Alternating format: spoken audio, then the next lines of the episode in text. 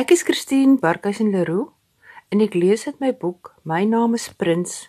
Ek slaap met die lig aan. Twee passasies bladsy 10 en bladsy 9.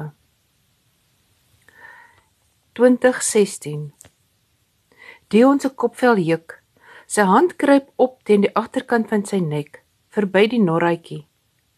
Wanneer sy gedagtes om terugvat na daardie tyd, die tyd toe hy die mees geliefd en die mees verlore ooit gevoel het, sien hy mesel agterna die bonneltjie hare tussen sy vingers. It was the best of times. It was the worst of times.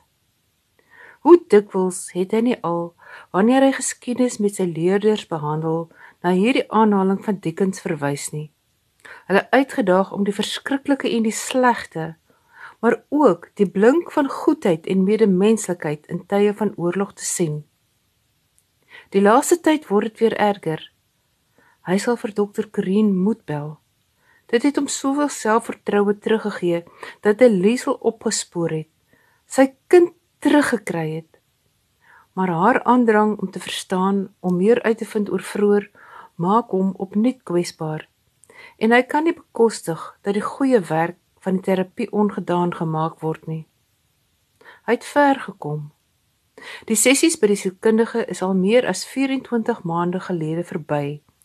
Maar nou met die pratery van Liesel, glip die goed wat hy gedink het hy onder beheer het, weer uit sy hande. Kwiksilverballetjies wat hy nie kan opraap en terugsit waar hy hulle wil bære nie. September 1971 Morgenby Was dit toe dat hy die eerste keer daardie warm gevoel in sy bors en teen sy nek gekry het. Hy het in die tweede ry van vooraf in die rammelkas busie gesit.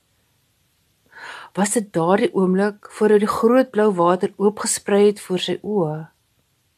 Die sekonde toe hy opgekyk het toe Pa Pietie sy oog in die triespieeltjie van die bus gevang het. Die skelm oogknip wat net hy kon sien.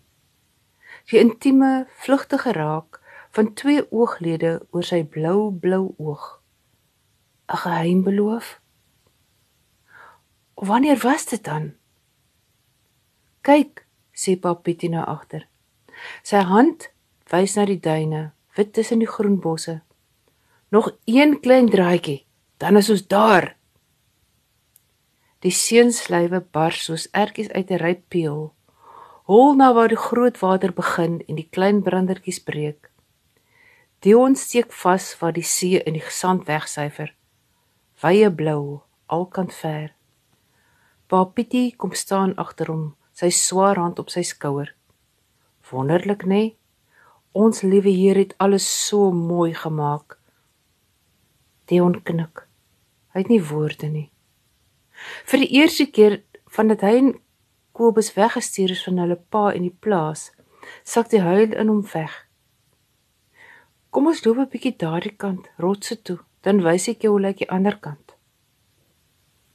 Die hand is nog op sy skouer. Hy moet sy tree rek. Pa Pietie se bene is lank. Visse glip in die poeltjies krappies skarrel oor glad gespoelde klippe. Verder weg slaan die water al hoe woester. 'n Seestroom bars in een skuins in teen die rots waarop hulle staan. Kragtig en hard. Die skuimwit strale spuit hoog in die lug. Die ons sidder. Deins terug. Wat sê Papietie? Die water ruis en raas in sy ore. Hy spring om. Sy seuningrige beentjies hardloop weg. Weg van die helse slag. Die see is 'n sweep.